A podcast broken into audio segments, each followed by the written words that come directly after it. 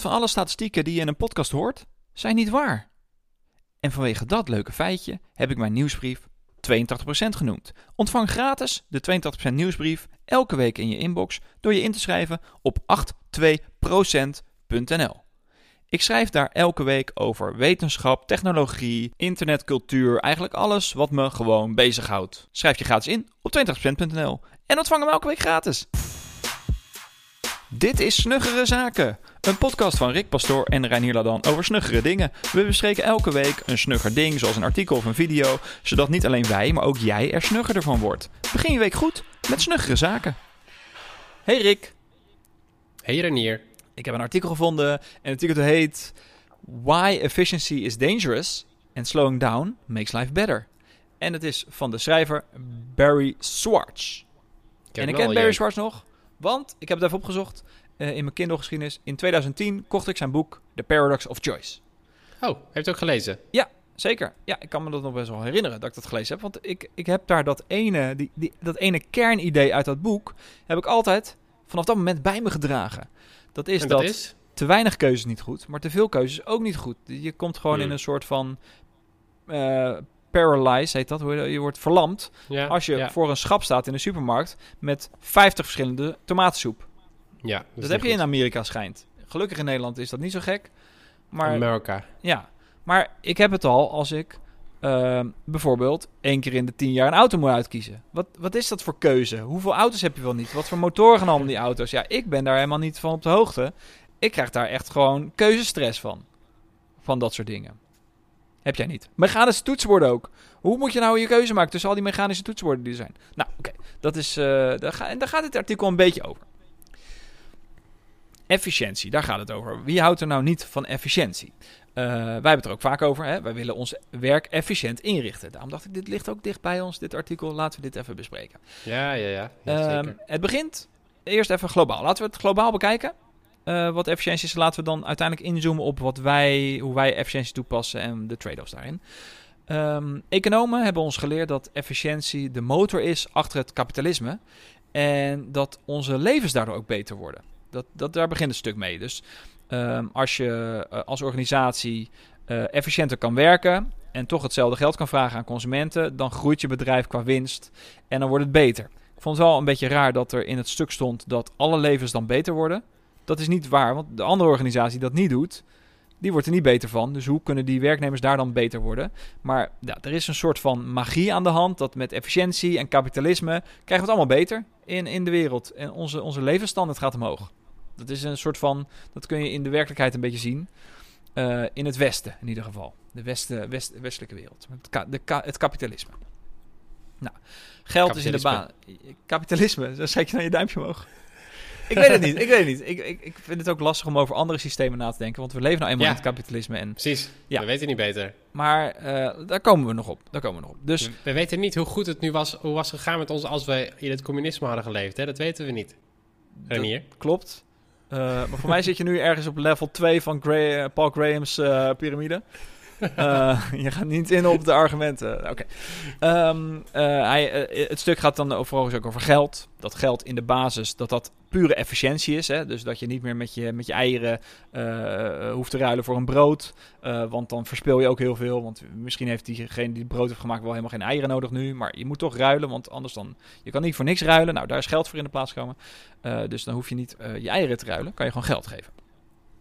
Um, en um, ja, efficiëntie is dus het op zoek gaan naar hoe je met minder tijd en minder geld dingen voor elkaar kan krijgen. Uh, ja, nou, uh, het stuk gaat dan vervolgens ook nog eens over de financiële crisis. De financiële crisis van 2008 is wel een beetje gekomen door die efficiëntie die wij maar als maatschappij maar steeds uh, overal in willen stoppen. Dus we hebben uiteindelijk zulke complexe financiële producten verzonnen, uh, zo efficiënt, dat je even op een wat laag niveau de bestaande opties door opties uh, hoef je niet eens meer aandelen te kopen. Als je toch al weet dat je zo over 10 dagen gaat verkopen. Nee, je koopt een optie op die aandelen om zo over 10 dagen te verkopen. Waardoor je die aandelen niet eens in je hand hoeft te houden. En dat is allemaal veel efficiënter en veel meer. Uh, daar kan je veel meer geld mee verdienen. Maar door al die nog complexere producten hebben we uiteindelijk een, een financiële meltdown gehad. Een beetje in 2008. Weet je er nog iets van? Rick? Ja, nee, ja, nee, dat weet ik. Hoe zat je het toen? Eh, nou, ik, weet, ik, weet niet wat, ik weet daar niet per se van het moment, maar ik heb natuurlijk wel de, ik heb daar wel over gelezen. Maar ik vind deze wel lastig, want ehm, ik vind, eh, ik, ik, vind, ik vind eigenlijk de link met efficiëntie en de financiële crisis een beetje raar. Uh, is, het, is, het niet veel, is het niet juist zo dat de financiële crisis uh, veroorzaakt werd door simpelweg uh, greed, als in mensen die gewoon steeds meer geld willen verdienen met hele wazige um, en complexe financiële Maar dat is ook die efficiëntie, efficiëntie. Ik denk dat, ja, ik denk Nee, dat ja, juist, ja, nou, ik vind dat wel gelinkt. Dus dat, dus dat die producten worden alleen maar verzonnen om nog efficiënter om te gaan met die assets die er zijn, waardoor er meer geld, geld uit te halen valt. Dat is ook een soort, maar- dat is ook een soort efficiëntie. Dat zit ook in die term, denk ik. Nou, agree, agree to disagree. Als in, volgens mij is dat niet hoe het is. Hoe dit, hoe, zeg maar, niemand is, is daar gaan zitten en gezegd: Nou, hoe kunnen we dit zo efficiënt mogelijk inrichten? En dan vervolgens gedacht: Oh, er komt ook heel veel geld uit. Nee, natuurlijk niet. Het is gewoon bedoeld om zoveel mogelijk geld te verdienen. ja, maar dat is toch juist onzeker. Ja, maar ik, voor mij hebben we het over hetzelfde. Dus dat geld verdienen hebben ze bereikt door efficiënt, efficiënte producten te ontwikkelen. Nou, laten we dan verder gaan, want eh, het heeft ook te maken met corona. Door corona hebben we gezien, en dit stuk is dan vanuit het Amerikaanse perspectief geschreven, maar ook in Nederland hebben we gezien dat we veel te efficiënt zijn omgaan met de zorg in de laatste, nou, misschien wel tientallen jaren. Waardoor bijvoorbeeld onze IC's ook heel snel vol lagen. En we hebben het nog gered in Nederland. We, we- we nemen dit nu op in augustus. Ik weet niet of er al een tweede golf is eh, op het moment dat we dit eh, uitzenden. Dat, eh, geen idee. Maar eh, het, het was wel kantje boord. De IC's lagen vol. En dan kun je zeggen, we hebben het net gered. Maar eigenlijk hebben we het niet gered natuurlijk. Want er waren heel veel andere Mm. patiënten die eigenlijk op de IC's hadden kunnen liggen. Eh, met Mm. andere eh, ziektes. Maar we, die lockdown, dus mensen gingen toch minder vaak naar buiten en eh, kregen ongelukken. Maar die efficiëntie die wij in de zorg hebben meegemaakt, die, die laat wel zien dat, dat het ook gewoon te efficiënt kan. En de, de te efficiënt, daar gaat dit stuk natuurlijk over. Dat Ja. als je dingen te efficiënt inricht, dan ben je veel minder weerbaar, heb je veel minder witruimte, veel Ja. minder buffer. En dat zie je ook volgens mij wel aan bedrijven die nu omvallen. Ehm, ik, ik snap dat het zo is, maar heel veel bedrijven hebben maar een buffer om hun personeel te betalen voor maar hooguit een paar maanden of zo. Dan is het bedrijf gewoon failliet.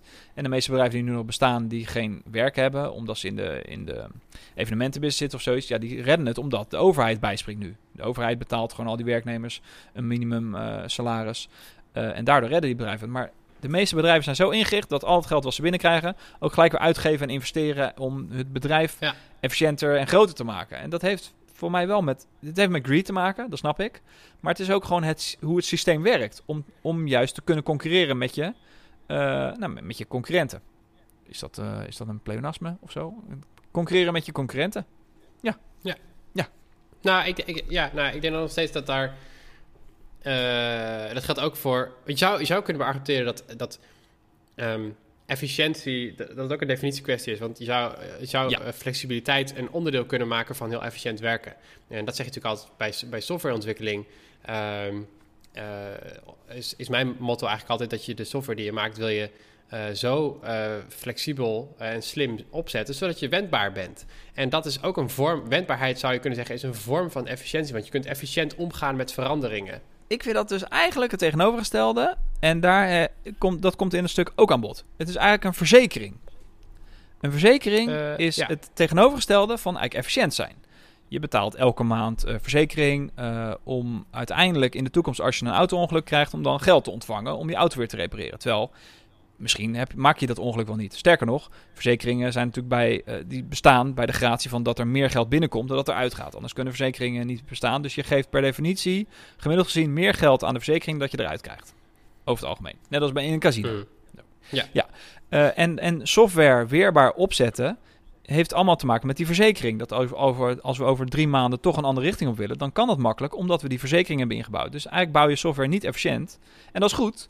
Hè? Dus ik zeg ook niet dat alle software efficiënt moet worden ingericht. Juist niet. Maar je kan dan niet spreken van efficiëntie. Maar inderdaad, het is wel een, een beetje een definitiekwestie van wat je dan efficiënt vindt. Eigenlijk bedoel jij daarmee, het is effectief, maar het is niet efficiënt.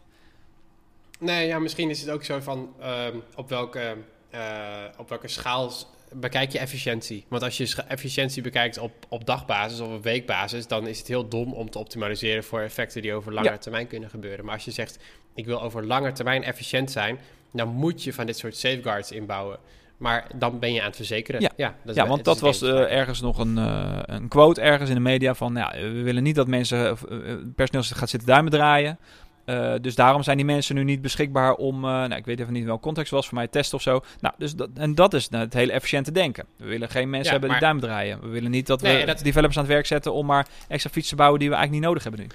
Eh, dit is ook precies het interessante van, de hele, van deze discussie over IC-capaciteit. Dat mensen nu zeg maar, zeggen, waarom zijn er niet meer bedden? Ja. Terwijl als die dingen niet nodig zijn, dat, ja, dan staan ze daar maar wat. En de vraag is gewoon, hoeveel geld heb je over voor bedden die nooit gebruikt worden? En ik denk dat heel veel mensen dan gewoon heel snel gaan zeggen, nou, eh, weinig, want we hebben Ja. wel beters om het geld uit te geven. Maar het is pas een keuze als het je ook wordt voorgelegd.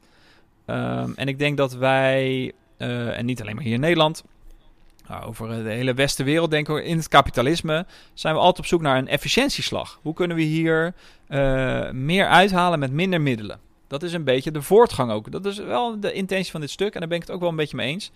Ehm, in Duitsland hebben ze een iets andere keuze gemaakt. Voor mij was het daar, hebben ze per inwoner van Duitsland hebben ze twee of drie keer zoveel IC-bedden beschikbaar of zo. Of 1,4, in ieder geval iets groter, iets meer dan Nederland.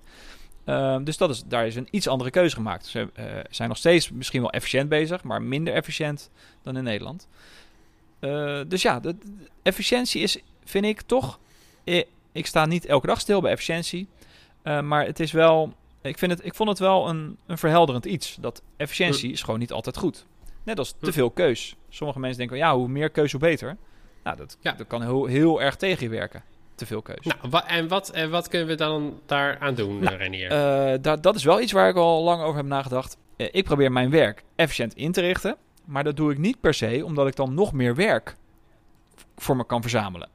Dus als ik mijn werk efficiënt inricht, dan heb ik juist een soort weerbaarheid. Omdat ik tijd over heb om gewoon eens eh, eh, aan te klooien professioneel. Mezelf te ontwikkelen. eh, nieuwe paden te verkennen die ik anders niet had verkend. Omdat ik gewoon heel efficiënt met mijn tijd omga. En dan met al mijn tijd efficiënt omga. Dus dat doe ik niet. Dat Mhm. doe ik expres niet. Ik zoek juist witruimte op.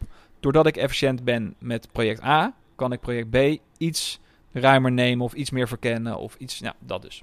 Ja, ja. dus, dus dat, de- in het stuk gaat het ook over dat er dan wordt geschetst... eh, wat zou je dan kunnen doen als je, als je besluiten neemt... in plaats van dat je jezelf afvraagt wat het beste resultaat oplevert... voor puur die keuze, Ja. eh, zou je jezelf af moeten vragen... welke optie zorgt voor eh, een goed genoeg resultaat... Ja. waardoor je eh, zoveel mogelijk opties hebt in de toekomst. En eigenlijk is dat ook wat jij schetst, dat je... ehm, eh, ja, zorgt voor eh, optionaliteit en eh, Ja. ruimte om, om andere dingen te doen. Want die witruimte, die is dan vervolgens ook niet heilig. Want als er wel ineens iets urgents is of iets per se moet, dan is er ruimte om dat ook te doen. Ehm, en hij noemt het ook in het stuk echt een insurance, dus een verzekering. Ja, maar ik vind het wel lastig, want, want goed genoeg, werk doen wat goed genoeg is, dat, Ja. da- dat vind ik echt eh, dat vind ik heel moeilijk. Als in, ik kan mezelf gewoon heel slecht toezetten op als ik gewoon weet dat iets nog beter kan. Als ik nog zie dat er Ja. eh, gewoon gaten zitten, dan blijft dat gewoon in mijn hoofd eh, totdat het opgelost is. En dan, Maar dan is het misschien niet goed genoeg. ja, oké, maar... eh, eh, ja, nou, voor, ik, merk dus in mijn hoofd dat ik het heel moeilijk vind om dan onderscheid te maken tussen eh, wat geeft het je de beste resultaten en wat is goed genoeg. Dus het, eh, het, het is, in mijn hoofd is het niet goed genoeg, maar misschien is het wel goed genoeg. Snap je? Dus die, ik weet, niet, nou, ik weet niet hoe jij dat doet, maar die, die afweging maken vind ik persoonlijk eh, best wel moeilijk. En het gaat dan ook over de, de term die hij dan daarbij plakt, is, ik moet zeggen, wat dan, wat is satisfying enough? Eh, en dan die manier van besluit nemen, dat noemt hij satis, satisficing. Ja, satisficing. Dat is een soort, ja, het is, dat is een soort verzekering waarbij je zo robuuste keuzes maakt eigenlijk. Ja, dus een combinatie tussen goed werk doen, maar ook jezelf verzekeren. Maar ik vind ook, ehm, ja, ik weet niet man, ik vind het wel echt, ik vind het dus lastig, omdat je voor, je, voor mijn gevoel hou je dan ook, in. Zeg maar, je, je, je, je, je haalt er ook niet het maximale uit. En dat is ook het hele idee, want als je er het maximale uithaalt, dan ben je ook aan het, dan ben je het aan het optimaliseren en dan ga je voor die efficiëntie en dan word je daardoor minder Ja. weerbaar. Dus het is ook logisch. Ja, maar ik denk wel dat, dat ik denk dat wij, eh, tenminste niet per se wij, maar in de maatschappij als mensen, gewoon als personen, dat wij het veel beter voor elkaar hebben dan organisaties. Ik denk dat mensen eh, meer sparen, eh, voor, dus dat mensen het langer kunnen uithouden Uh, nou, niet helemaal, maar organisaties lopen altijd heel erg op de rand van wat commerciële organisaties, hè, dus met een winstoogmerk, die lopen heel erg altijd op het randje van maximaal investeren om, om zoveel mogelijk winst te halen binnen een Ja. jaar. Uh, en ze overleven het gewoon niet als die markt Ja. instort uh, voor een paar maanden. Dat is eigenlijk best wel gek Ja. natuurlijk. Dat dat, Ja. en, en wie moet dat opvangen? Dan moeten wij als maatschappij dat opvangen via de overheid. precies. Dat is eigenlijk best wel gek. Dat, dat er gewoon al die, die, die bazen van al die, die organisaties... die lopen zo op de rand... omdat ze toch wel weten... als het helemaal misgaat... de overheid redt ons wel. En dat is bij die bank ook beetje, gebeurd. soort, beetje het punt van, van eh, eh, Booking die, eh, die jaar na jaar eh, zoveel geld kan overmaken naar zijn aandeelhouders en nu zegt, we redden het niet jongens, we kunnen moeten met mensen ontslaan. Ja, Nou, eens. Ja. ja, terwijl het, je moet ook inderdaad een beetje weerbaar zijn als organisatie. Um, en hier gaat het heel erg op uh, persoonlijk vlak. Dat is ook belangrijk. Je moet ook gewoon geld sparen voor als je wasmachine kapot gaat. Dat moet je ook niet allemaal in indexfondsen stoppen of in, uh, in uh, Apple aandelen. En dat doen mensen ook niet. Mensen gaan er verstandig mee om, denk ik. De meeste mensen wel. Met hun geld. Dat ze een soort van. Dus dat ze niet hun geld uh, op het, tot het maximale efficiënt inzetten. Ja. Om maar meer winst te maken. Ja. Nou ja, oké. Okay. En, de, en uh, in het, het, stuk uiteindelijk gaat het dan, wordt er een link gelegd naar, naar frictie, naar weerstand. Hoe ja. zie je dat? Uh, wat zegt nou, Het gaat over? dan over dat, um, uh, dat, dat het goed zou zijn... Ja, black eyes en ook over die banden. Ja, het, het, het, het, zou, het over auto's het zou goed zijn dat er iets meer weerstand... dat, er, dat we iets meer weerstand um, inbouwen in ons leven... waardoor we merken dat die, dat die, um, uh, die speelruimte... dat die, die witruimte, die marges, dat die goed zijn. En, um, ja, zo. en die vind ik lastig, want... zoals ik meer dingen in stuk lastig vind, maar... Uh, uh, ik snap best dat het goed is om die marge in te bouwen. En ik denk, ik ben het heel met je eens dat ik het raar vind dat, dat je als ondernemer eh, niet gewoon, als je de kans hebt, uh, niet een buffer opbouwt. Uh, dat, dat is tof aan ja. de aanpak van 37 Signals of Basecamp, die gewoon zeggen, jongens, wij Ja. bouwen gewoon iets op wat heel. Wat, heel, wat, wat gewoon staat als een huis, met inkomen wat, wat goed uh, divers is en et cetera. Ja, en volgens mij de correspondent ook zoiets. Die hebben in hun, hun statuten staan dat ze maar zoveel procent winstuitkering doen aan de aandeelhouders. Precies, zo, ja. dat zijn dingen die je kan inbouwen waardoor je weet, oké, okay, dit is een solide ding. Maar, um, ja, dus dat is één kant. En dan, dan denk je na over hoe zorg ik voor een marge.